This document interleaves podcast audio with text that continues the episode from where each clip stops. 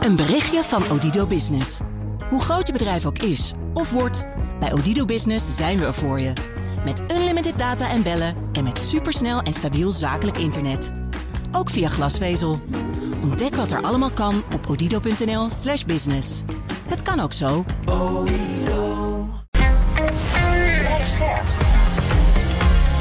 BNR Nieuwsradio. De wereld. Bernard Hammelburg. Welkom bij het beste binnenlandse programma over het buitenland. Straks, na het tijdperk van leiders als Mao, Deng en Yang, zit China en daarmee de hele wereld nu in het Xi-tijdperk. Wat zijn Xi's ambities? Is hij een vijand of een kennis? Dat vraag ik aan China-expert Ties Dams, die een boek over Xi heeft geschreven. Maar nu eerst. De Oekraïne krijgt uh, de, de tanks waar Zelensky om heeft gevraagd in afwachting van het alom voorspelde lenteoffensief. If we want Ukraine uh, to be able both to defend against uh, upcoming uh, Russian offensives, and we know that the Russians are planning for new offensives, and and also if we want Ukraine to be able to retake territory, we need to give them more armor, more heavy and modern weapons. Dat zei secretaris-generaal van de NAVO Jens Stoltenberg. Maar komt dat offensief er eigenlijk wel? En als het er komt, wordt het dan net zoiets als de invasie van vorig jaar? Ik praat erover met kolonel Han Bouwmeester, universitair hoofddocent militaire strategie aan de Nederlandse Defensie Academie. Welkom. Goedemiddag. Fijn u te zien. Uh, eerst even kijken naar de situatie zoals die nu is. Uh, kijken we naar uh, een maandenlange impasse? Nou ja, goed, er zit weinig beweging in het front. Wat we nu op dit moment uh, overigens zien, is dat uh, Rusland met kleine uh, eenheden, groepjes te grootte van zo'n 10, 15 man, over de hele lengte van het front, eigenlijk van die speldenpriksacties probeert uit te voeren. En uh, daarmee dwingen ze eigenlijk ook Oekraïne om over de hele lengte van het front, wat helemaal in het zuiden begint bij Gerson en helemaal doorslingend via de Donbass-regio naar boven naar Kharkiv toe. Als je dat helemaal uitrekt, dan zou je aan zo'n 15 tot 1700 kilometer komen. Ja, dat, dat, daarmee dwing je Oekraïne als het ware om overal toch wel waakzaam te zijn in de verdediging en nergens uh, zwaktes te laten vallen. Nee, we hebben het steeds. Is dit al onderdeel van dat voorjaarsoffensief? Bedenk ik plotseling. Het is nog geen voorjaar, maar we hebben het er allemaal over.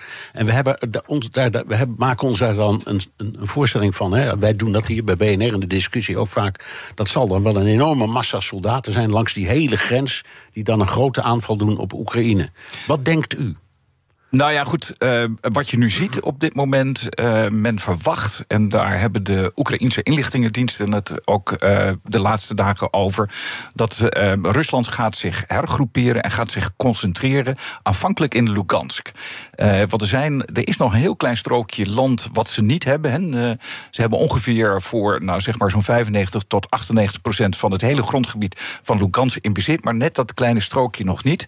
Dus dat hoort er nog bij. En dat, daarmee willen ze ook een een, uitgangspositie verschaffen. om vanuit het noorden ook nog eens een keer weer druk uit te oefenen in de Donbass. Ja. Uh, en, en dan moet je he, het resterende deel van uh, Donetsk willen ze er dan nog bij hebben. Ja, dit, dit klinkt als een hele slikme openingsset als je zoiets van plan bent. Uh, denkt u dat dat dan uitloopt tot echt een groot offensief? Of dat het bij dit wat u net bespreekt met die speldenprikachtige acties blijft? Nou ja, kijk, die speldenprikacties, dat hoort gewoon bij um, ook het voeren van een verdediging. Je blijft, um, nou ja, proberen ook te drukken in die verdediging, lange verdedigingslijn over en weer. Hen. Ook Oekraïne doet dit, hè, want er was ook sprake van in de regio Gerson dat ze toch die Dnieper met speciale eenheden zijn overgestoken. En ook een kleinschalige actie. Dus over en weer blijf je die speldenprikacties houden. Want het kan ook zomaar zijn dat je ergens in die verdediging stuit op een hele zwakke plek. En dat zou mogelijk, hè, dat zou je mogelijk verder kunnen gaan uitbuiten. Ja. Um, maar de, de, de, de, in die, en de, zoals het nu op tafel ligt, de, de, ehm, ja, de uh, ontwikkelingen wijzen er eigenlijk op dat Rusland uh, zich gaat concentreren in, in Lukansk. Oké. Dan komen we bij de tanks, want iedereen roept... als ze nou die tanks hadden, nou, dan zou het een stuk makkelijker zijn... of beter, of dan zijn ze veiliger. Die Abrams en Leopard 2 tanks. Is dat waar? Nou ja, dat zijn uh, ongelooflijk goede tanks. Ja, dat uh, zonder meer. Hè. En als je een soort ranking zou moeten maken binnen NAVO, dan staat natuurlijk uh, bovenaan de Leopard 2 A6. En uh, ook de M1 Abrams, hè, dat is de Amerikaanse tank die je hebt. En dan net iets daaronder, maar dat zijn nog steeds ongelooflijk goede tanks. En als je dat vergelijkt met Rusland, dan uh, zijn ze kwalitatief veel beter. Uh, maar daaronder zitten net de Challenger 2 tanks van de Britten. De Britten, en ja. waarschijnlijk gaan ook de Fransen de Leclerc tanks schenken. Die zitten ongeveer ook op dat niveau. Ja, maar goed, je zit. Ze hebben allemaal nadelen. Uh, de belangrijk, omdat ze zo goed zijn, als ik het goed begrijp, is het uh, de opleiding om ermee om te gaan. Dat is een soort pilotenopleiding. Het is niet zoiets wat je op een uh, zaterdagmiddag even doet. Het is echt hooggekwalificeerd werk. Die mensen moet je trainen. Het zijn hele ingewikkelde wapens, deze tanks. het is niet een hele simpele kast waar je in zit met een kanon. Um, die, die Abrams gebruiken kerosine bij voorkeur, hoewel kan ook op diesel, maar het is allemaal heel complex. Het duurt nog een tijd voordat die dingen er komen. Dus hoe, hoe moeten we hier nou naar kijken? Praten we eigenlijk over twee verschillende dingen, namelijk een dreigend offensief en aan de andere kant het leveren van spectaculaire wapens? Of kun je dat verband echt al leggen? Ik denk dat je dat verband kunt leggen. Eerst eventjes naar die tanks. Uh, wat maakt een tank bijzonder? Hè? Een tank heeft drie eigenschappen. Hij is heel goed bepanserd, dus dat beschermt ook de mensen die in die tank zitten. Dus geweervuur en, en scherven ketsen daarop af. Um, ten tweede is hij heel bewegelijk. Hij kan 360 graden met zijn, met, met zijn lopen ronddraaien. En hij kan ook heel snel verplaatsen in het terrein. Ja, en, en, bijna, daarnaast, bijna 70 km per uur las ik. Ja, ja, op gewone wegen. Maar ook, steeds, ook over hobbelig uh, open terrein uh, kan hij heel snel verplaatsen. En daarnaast heeft hij enorme vuurkracht. Dat zijn drie elementen elementen. Die vuurkracht, die bescherming en die bewegelijkheid. Dat zijn toch drie elementen. Zeker als je dat vergelijkt, Russische tanks met uh, de Leopard, met de uh, Abrams, met de Challenger en de Leclerc. Dan leggen de Russische tanks het daarbij af.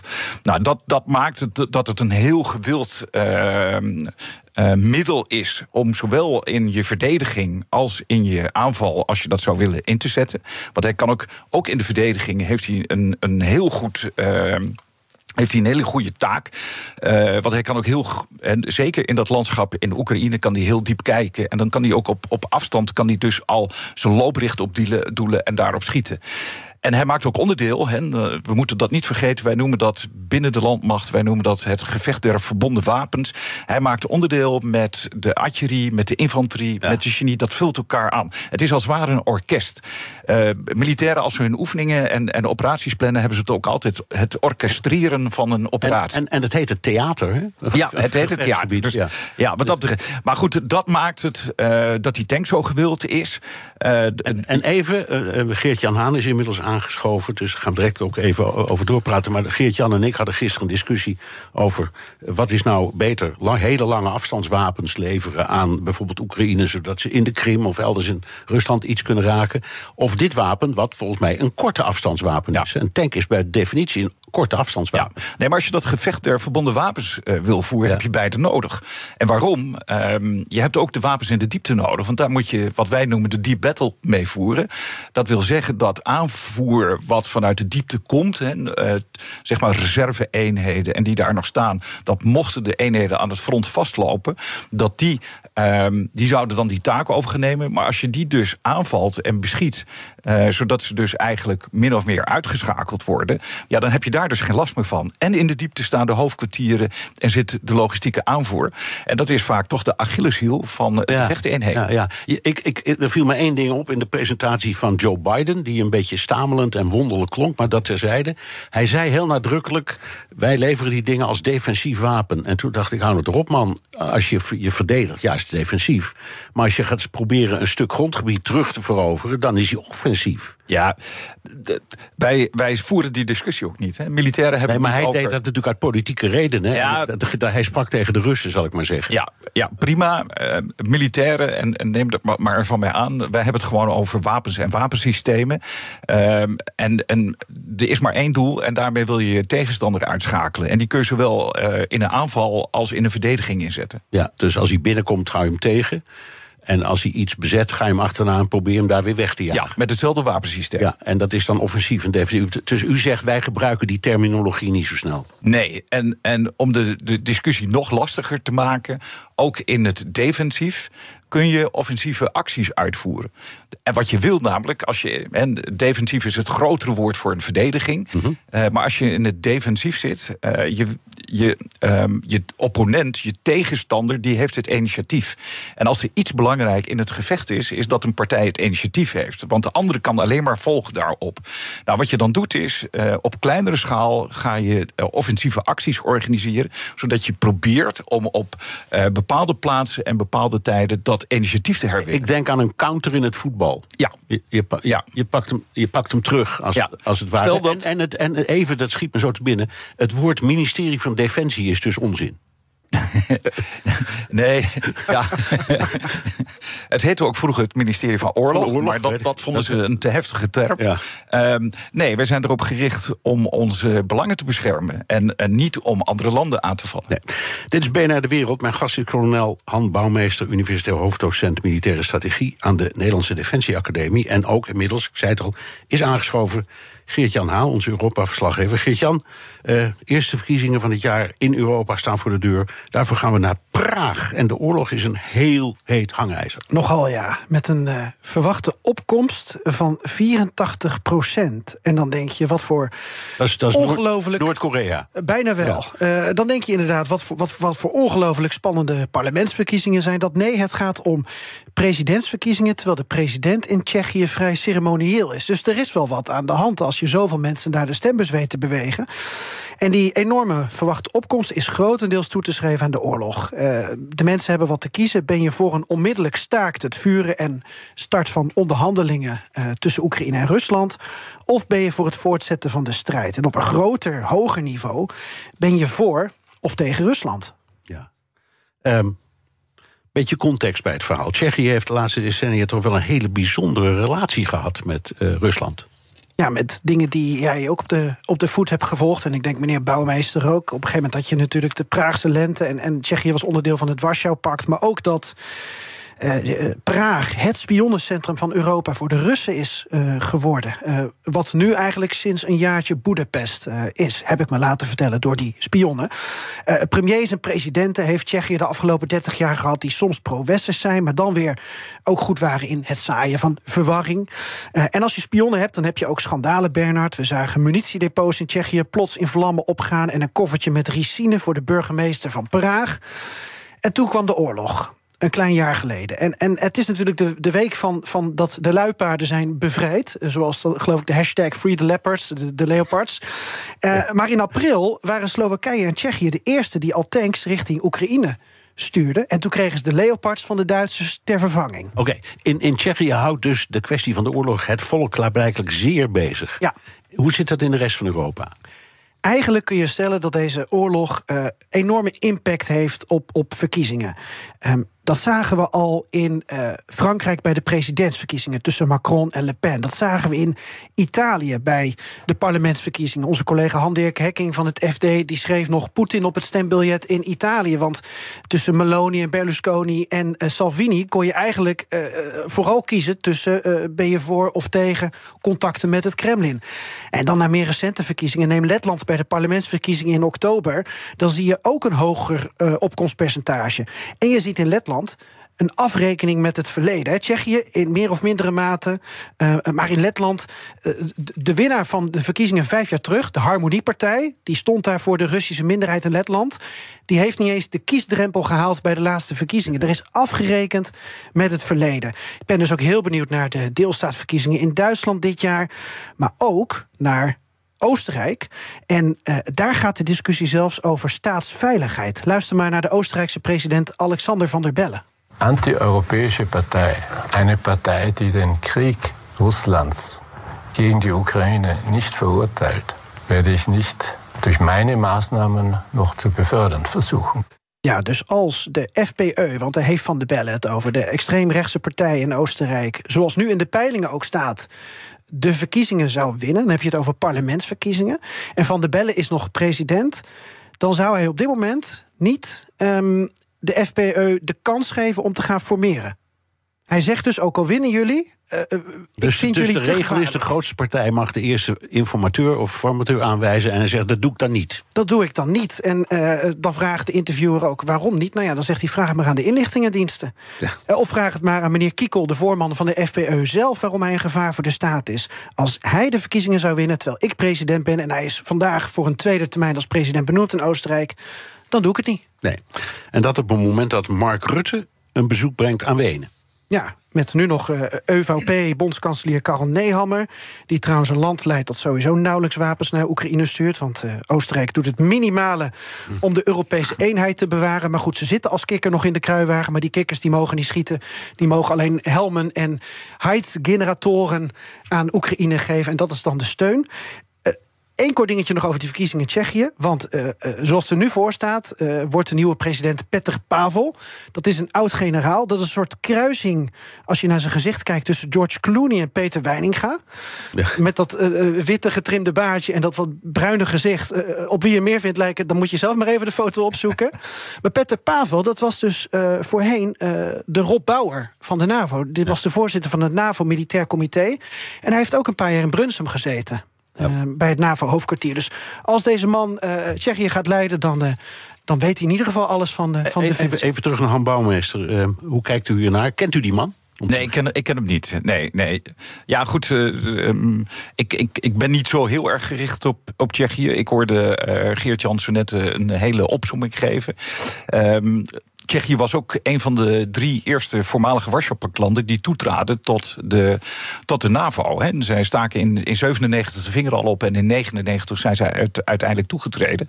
Maar ik wist niet dat er steeds zo'n wisselende stemming in dat land was. En uh, ja, je wilt toch een beetje een stabiele koers gaan varen, uh, wat dat dan gaat. Ja. Oké, dankjewel Geert-Jan. Wil je meer horen over die fascinerende verkiezingen in Tsjechië? Luister dan naar de laatste Perestrooikast. En we gaan terug naar de tanks. De Duitse bondskanselier Scholz benadrukte dat het juist is om tanks te leveren. Meine Damen und Herren, das ist das richtige Prinzip. Es geht hier um sehr wirksame Waffensysteme. Und es ist richtig, dass wir diese Waffensysteme niemals alleine, sondern immer in enger Kooperation bereitstellen. Ja, meneer Bouwmeester, als je zo luistert, wat speelde hier nu? Was het, um, was Scholz bang of zag hij de noodzaak niet ervan in om, te, om, om dat wapen te leveren? Of hangt hij nog steeds aan die bekende Oostpolitiek die destijds door Willy Brandt is ingevoerd? Waarin Duitsland een soort middenpositie tussen de, de, de kijvende partijen speelt. En hij is ook sociaaldemocraat. Zit dat Wat denkt u? Nou, dit was niet de eerste keer dat je een, een uh, wijfelende houding bij, uh, bij Scholz zag. Dat gebeurde eigenlijk ook al in april. En toen zag je de hele internationale gemeenschap wijzen naar Duitsland en zeggen van waarom gaan jullie geen wapens schenken? Nou, nu, nu zitten we daar voorbij. Hè. Nu hebben we het over echt over zware wapens, tanks en, en panzervoertuigen. Overigens, ik merkte altijd uh, over op dat de beslissing die toen in mei genomen is om, uh, om te schenken. Dat is eigenlijk het zwaarste middel wat, wat je kunt inzetten uh, qua landeenheden. Dus die beslissing was al genomen. Maar even terug naar uw vraag over Scholz. Um, ik denk dat hij ook te maken heeft met uh, belangen in Duitsland en belangen in zijn eigen partij, de SPD. Want je ziet dat in Duitsland sinds de Tweede Wereldoorlog, daar zit een pacifistische onderstroom in. Ook heel begrijpelijk, dat ligt gevoelig. Duitsland wil niet nog een keer over zichzelf afroepen dat ze betrokken zijn bij een hele grote oorlog in Europa. Uh, dat vinden ze ook lastig. En, en een tweede is, ze willen ook niet rechtstreeks in die oorlog betrokken worden. Ze zijn bang dat er dan toch vergeldingsmaatregelen vanuit Rusland komen. En dat hoeft dan niet direct massaal met aanvallende tanks te zijn. Maar dat kan ook via inlichtingendiensten ja. met hele vervelende gevallen zijn in Duitsland zelf. Nog iets wat, um, nou ja, je hoort er af en toe over praten. Kan het zijn dat bijvoorbeeld Scholz, maar misschien ook Biden zo terughoudend waren, omdat ze dachten: ja, er is een kans dat we verliezen. Kan gewoon. En dan vallen al die mega geheime wapens in handen van Rusland. Moet je ook niet hebben. Nou, of het mega geheime wapens zijn, uh, het zou mij verwonderen als de Russen niet inmiddels al weten hoe een Leopard 2 in elkaar zit of een Abrams. Uh, daar zijn kansen genoeg voor geweest uh, om dat te bekijken, zeg maar. Ehm, nee, ik denk dat ze beide heel erg bedoegd zijn dat dat niet een verkeerd beeld gaat oproepen bij Poetin. En dan speelt beeldvorming heel sterk mee. En dat is ook het vreemde, want wij militairen zeiden al van ja, maar de, de, de echte grote beslissing is in mei genomen, want toen is eigenlijk besloten om het op het zwaarste middel wat je op land kunt inzetten, dat dat eigenlijk. Bijvoorbeeld, bijvoorbeeld de HIMAR. De HIMARS en de Panzerhaubitzer en de M577 of de, de M777. Uh, ook zo'n vuurmond die de Amerikanen hebben geschonken. Want daar, daar verschiet je hele grote granaten mee met enorme explosieve krachten eigenlijk veel groter dan de tank. Maar de tank is sneller en kan zich sneller verplaatsen. En dat roept het beeld op, hoewel ik dat zo net gezegd heb, dat er geen aanvals- en verdedigings. Nee, maar en ook het, beeld van een orkest, het hoort er allemaal in. Ja, En maar, maar dit roept echt wel het beeld op, uh, zeker in de politiek, dat dit een, uh, echt een aanvalswapen is. Maar ik hoop dat ik nu ook uitgelegd heb dat je hem ook net zo goed in de verdediging. Precies, precies. En het ministerie van Defensie is een onzinwoord, hebben we vast. Okay. Dat, dat, dat, dat, zijn uw woorden. Nee, ja, het is maar. nog, nog even. Uh, uh, over de Patriot-missie. Daar, daar, daar is Nederland ingestapt. Er zijn maar drie landen die hem hebben: hè? Nederland, Duitsland en, en Amerika. Dus zo gek is dat op zichzelf niet. Maar was u verrast of verbaasd toen u hoorde dat dat gebeurde? Nou ja, kijk, uh, ik weet dat ze in, uh, op de defensiestaf altijd heel erg uh, plussen en minnen. Van, uh, kijk, je moet een afweging maken. Hè. Aan de ene kant heb je zelf ook verplichtingen als land, internationaal gezien, naar de NAVO. En kun je dan die verplichtingen blijven nakomen. Um, en die afweging moet je goed maken.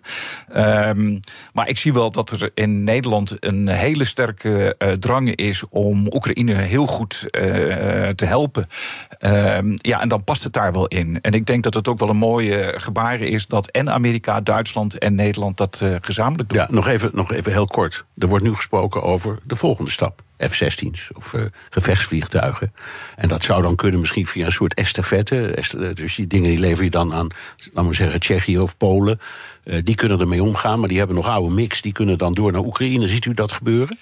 Nou, vooropgesteld, er wordt over, door de media over gespeculeerd. Uh, ik zie dat dat binnen het ministerie nog geen uh, punt van discussie is. Dus, nee. uh, en ik weet ook niet tot welke constructies men zou het zover komen moet gaan leiden. Ja, nee. nou, Zelensky roept erom. Dus dat is misschien een aanleiding om maar na te denken. Nou, zo en zo zou het kunnen. Ja. Maar u zegt, u ziet geen tekenen dat het. voorlopig nog niet. Dat, ik ik nog, sluit het niet uit, maar voorlopig niet. Nog één vraagje. daar hebben we het ook hier bij BNR al vaak over gehad.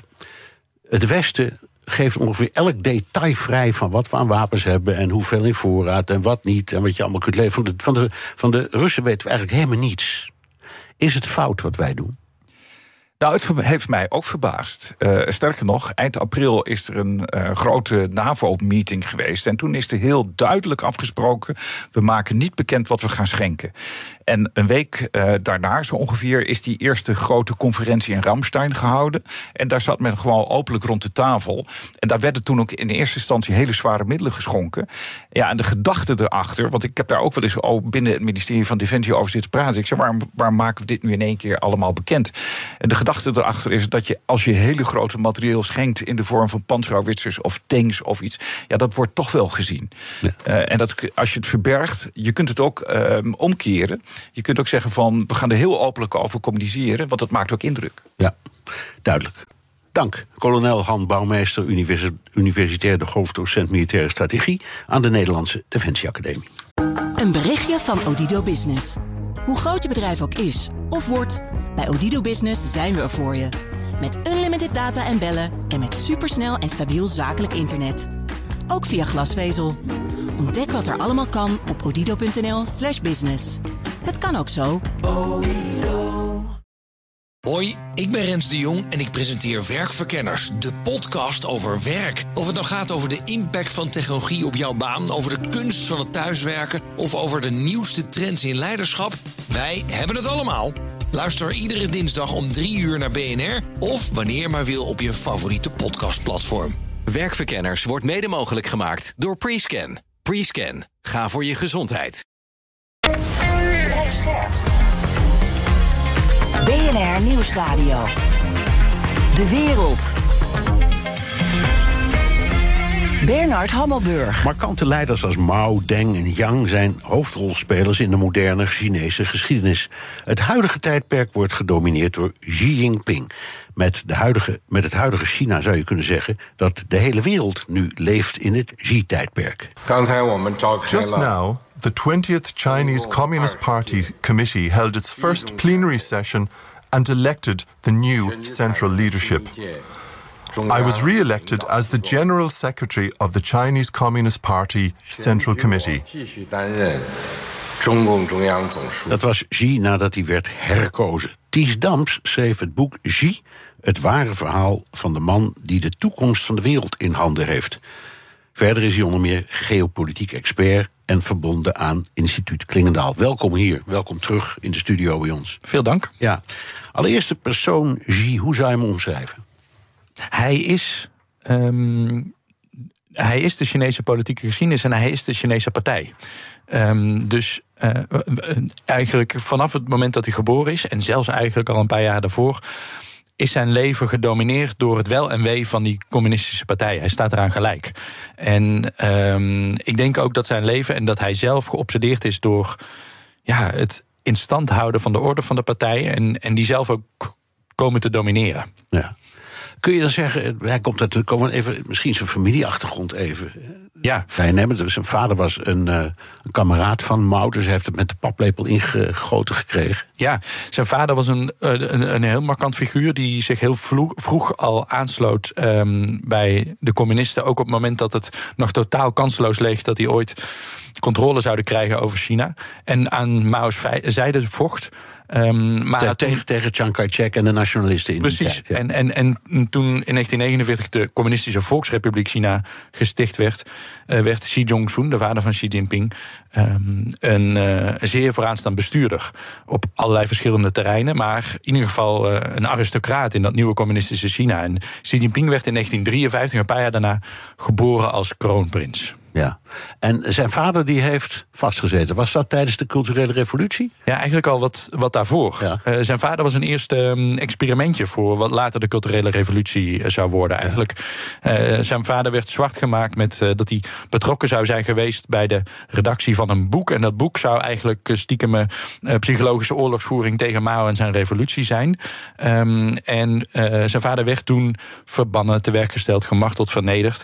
En daarmee kwam ook dat leventje van, van Xi Jinping, die in geblindeerde sedans door uh, het oude keizerlijke Peking werd gereden als jonge jongen, uh, kwam ten einde. Want hij was gebrandmerkt als uh, de zoon van een verrader. Ja, maar dat kwam daarna weer goed, zou ik Ja. zeggen. Hè? Toen Deng zat zelf ook in de gevangenis. Zeker. ik.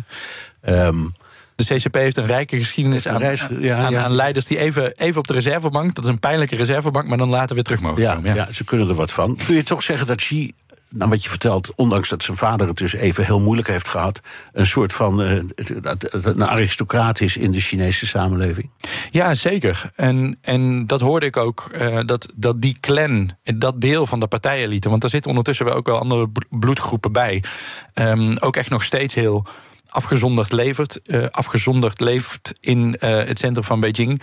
ehm, en neerkijkt op ja, de, de, de, de nouveau riche, de kruidenierszoons zoals ze ze noemen... zoals Hu Jintao en, en Li Keqiang... die ehm, later niet als zoons van die eerste generatie revolutionairs... Maar, maar simpelweg omdat ze het goed deden... in dat nieuwe meritocratische eh, China van Ja. Deng Xiaoping... het goed deden zich omhoog werkte. Ik, ik heb daar nog niet eens zo lang geleden ehm, gekeken naar het, eh, de dealer van Bentley.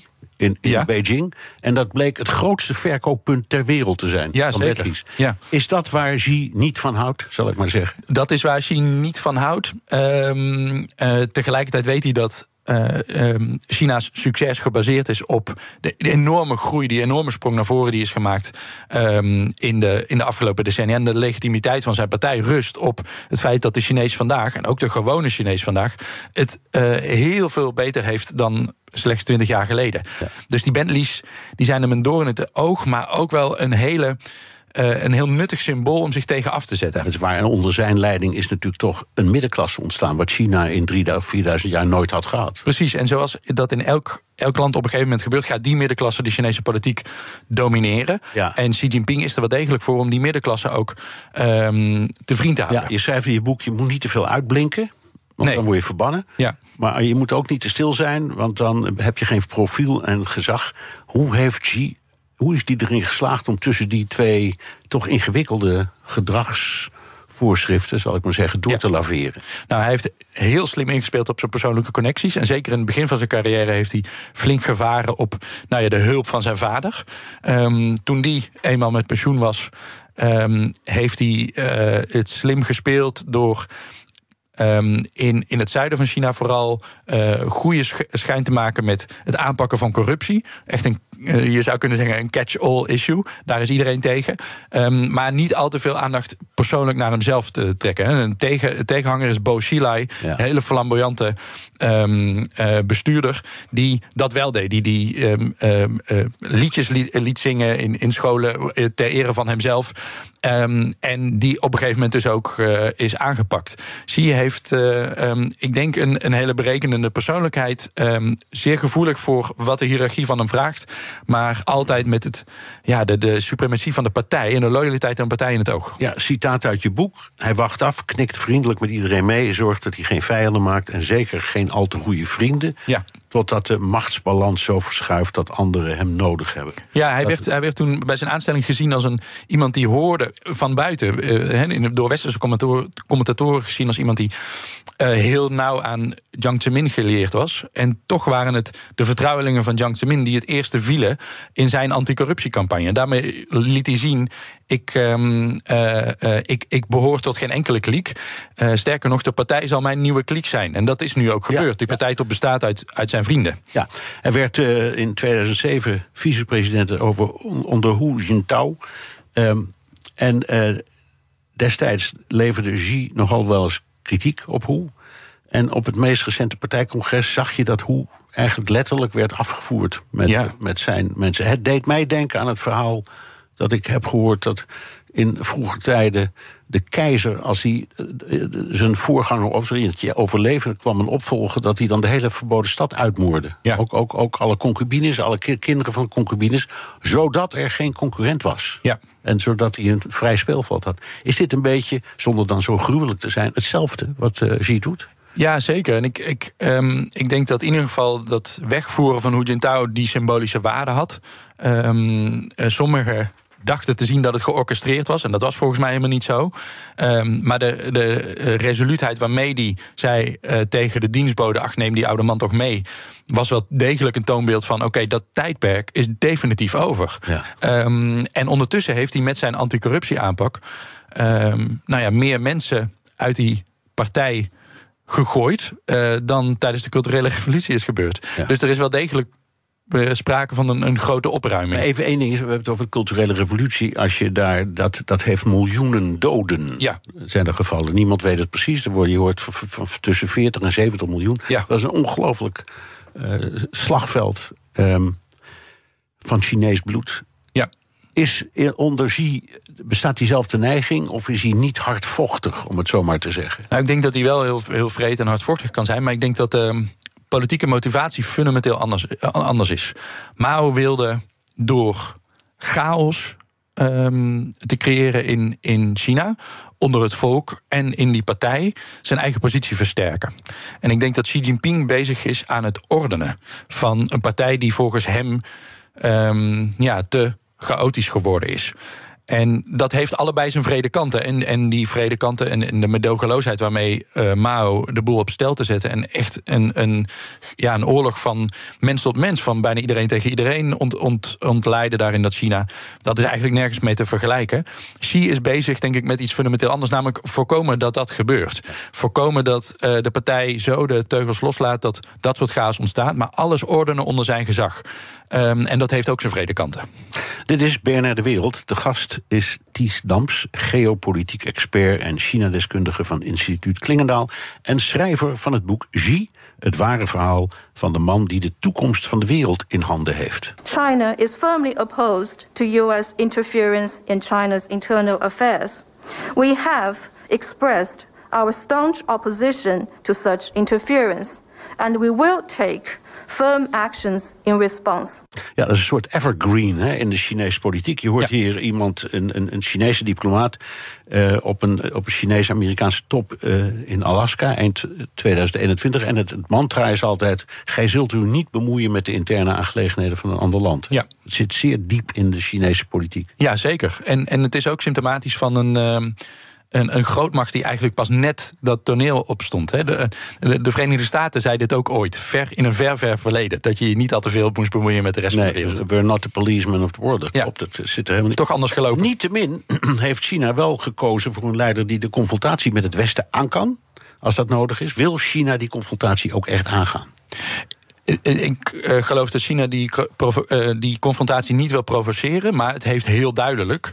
Um, knip en klaar in beleidsdocumenten zwart op wit gezegd uh, dat het um, in afzienbare tijd, in de komende 10, 15 jaar, elke oorlog met elke tegenstander moet kunnen winnen.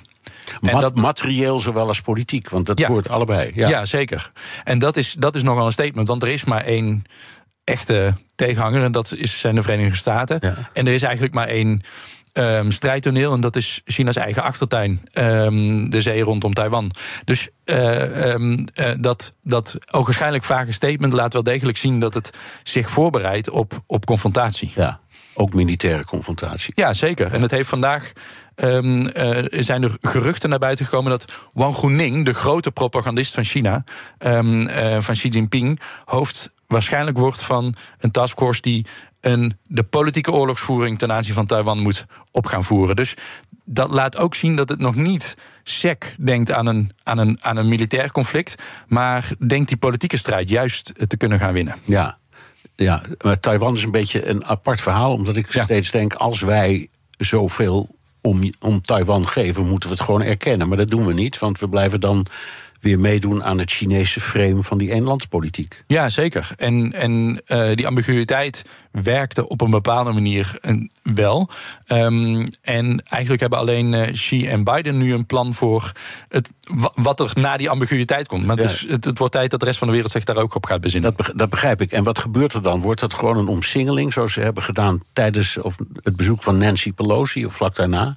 Ik denk dat het heel lang uh, in heel erg veel stapjes gaat um, uh, dreigen met wat het zou kunnen doen. Dus dat het meer van dat soort omzingelingen gaat laten zien. Dat het enorm uh, desinformatie en cyberaanvallen gaat opschroeven. En dat het ondertussen, en uh, dan denken we weer even terug aan die Wang Guning, um, gaat werken aan de politieke inkapseling van, van Taiwan. En de vraag is of dat succesvol gaat zijn. Ja, of het de, die, die Taiwanese samenleving zo kan gaan beïnvloeden. Ja, en, en, eerlijk gezegd liggen de kaarten daarvoor heel slecht. Dat, dat is ook zo. En, maar je moet ook niet denken, er zijn wel enorme banden tussen Taiwan en China, ook, ook commercieel. Dus Zeker. Ja. En, en, en dat is waar, waar, waar China's um, uh, zich openstellen aan de wereld begon. Met het aanhalen van de familiebanden tussen handelaren. Ja. Uh, letterlijk tussen families uh, tussen Taiwan en, en China. Oké, okay, jij stelt vast. Um, het, de, de, titel gaat over de toekomst. Xi ja. is de man die de toekomst in handen heeft. En dan, we hebben het dan gehad over de relatie met Amerika. Nou, even nog in de paar minuten die ons resten, de, ver, de verhouding met ons. Ja. In Europa, Nederland, ASML, er speelt van alles en nog wat. Continu. Um, spelen wij een rol in dit verhaal? Of is het echt een confrontatie tussen Amerika en, en uh, China? Nee, wij zijn, wij zijn een arena, niet een hoofdrolspeler. En, en dat is ook ons grote probleem. Um, en uh, ik denk dat dat nog beter te zien is in, de diep, in het diplomatieke verkeer rondom ASML. Waar uh, wij um, niet met China en wij Europa niet met China aan een gelijkwaardige tafel zitten. Um, um, en via Amerika moeten dealen. En dat is volgens mij het, het, dat laat zien dat wij een, ja, wij zijn een speelveld, niet een speler. En, en dat is het grote verschil. Ja, oké. en dan even dat thema. De man van de toekomst, de toekomst van de wereld heeft hij in handen. Hoezo? Omdat China... wij, wij, gaan toch niet weg en Amerika ook niet? Zeker niet. En onze wereldorde ja. gaat ook nergens naartoe. Um, maar anders dan bijvoorbeeld Poetin op dit moment. En anders dan India of Indonesië. Heeft China en bouwt China al heel erg lang aan een parallele visie uh, voor een andere wereldorde.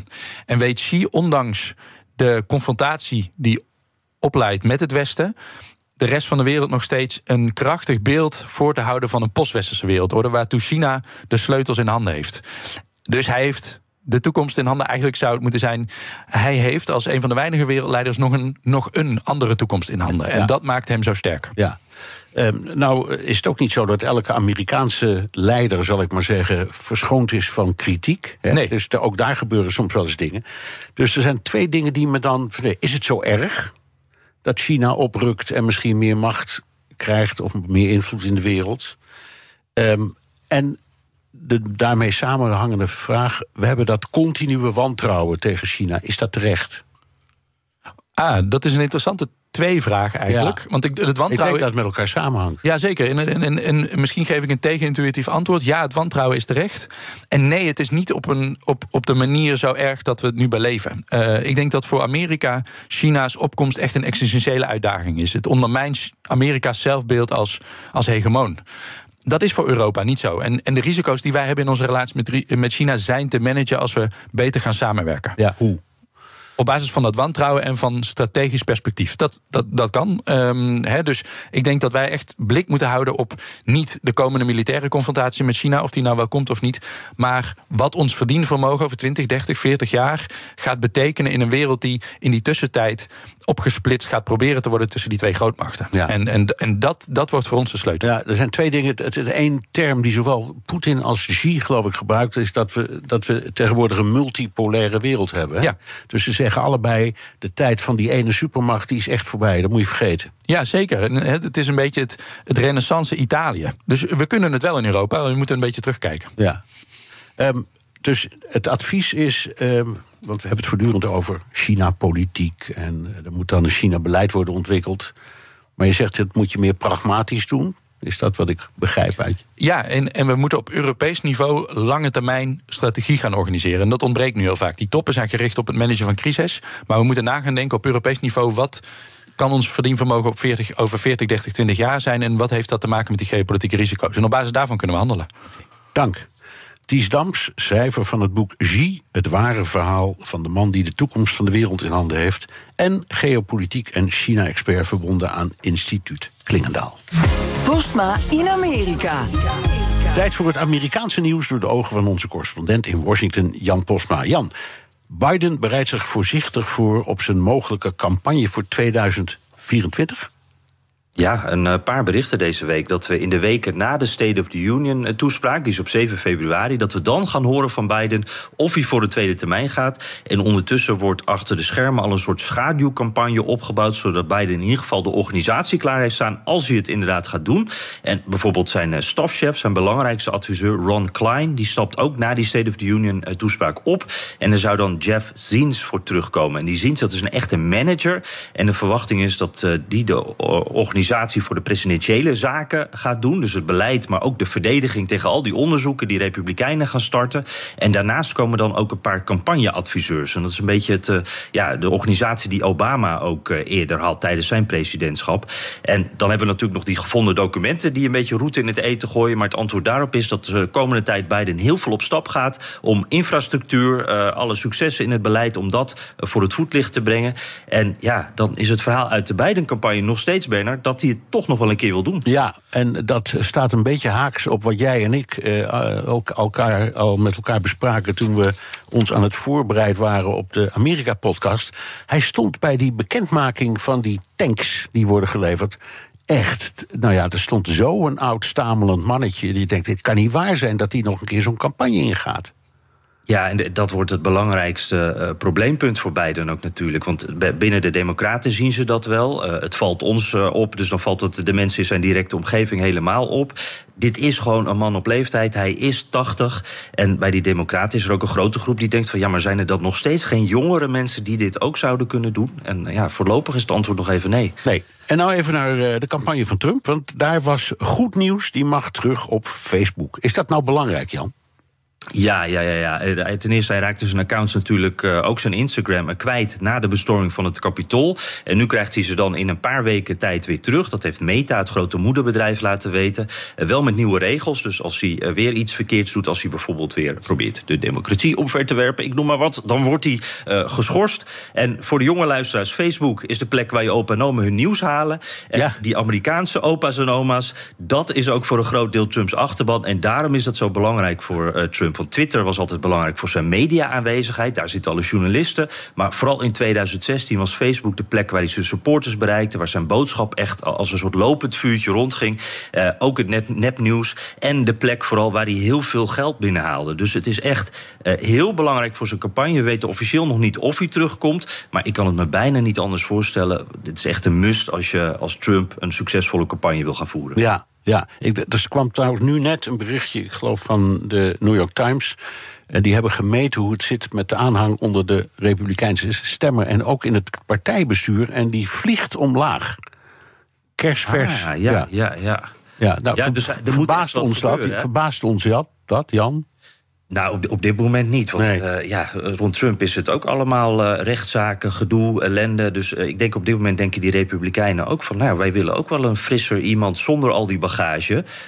Als die Trump het wil, dan moet hij het nog maar een keertje weer waarmaken. Ja, hij is druk met golfen, maar ook met sms'en. ja, en eh, dat eh, klinkt gek, maar tegenwoordig sms die dus vrienden en ook journalisten. En, en, het gek is, eh, vroeger, of tot deze week eigenlijk, zei hij... ik wil geen sporen achterlaten, ik doe alles mondeling. En dat was natuurlijk tot frustratie van menig aanklager of commissie... die allemaal onderzoek deden, maar nooit sms'jes en andere dingen van hem konden vinden. Nu schijnt hij dus helemaal om te zijn. En dat, dat verbaast de mensen om hem heen ook wel. want ja, dat is een gekke omslag voor iemand op die leeftijd. Hij is wel wat strenger geworden met telefoontjes. Onbekende nummers gaan nu automatisch naar zijn voicemail. En dat, is, eh, dat heeft zijn staf afgedwongen. Want recent gaf hij nog een eh, heel spontaan interview aan een NBC-verslaggever. Toen hij hem rechtstreeks belde. Leverde toen meteen weer problemen op. Dus dat willen ze een beetje voorkomen de komende periode. En ja, natuurlijk, je noemt het al. Golf blijft het belangrijkste. Eh, Trump heeft deze week het Trump Golftoernooi gewonnen. Eh, en dat is een hele prestatie, Bernard. Want hij was er de eerste dag niet eens.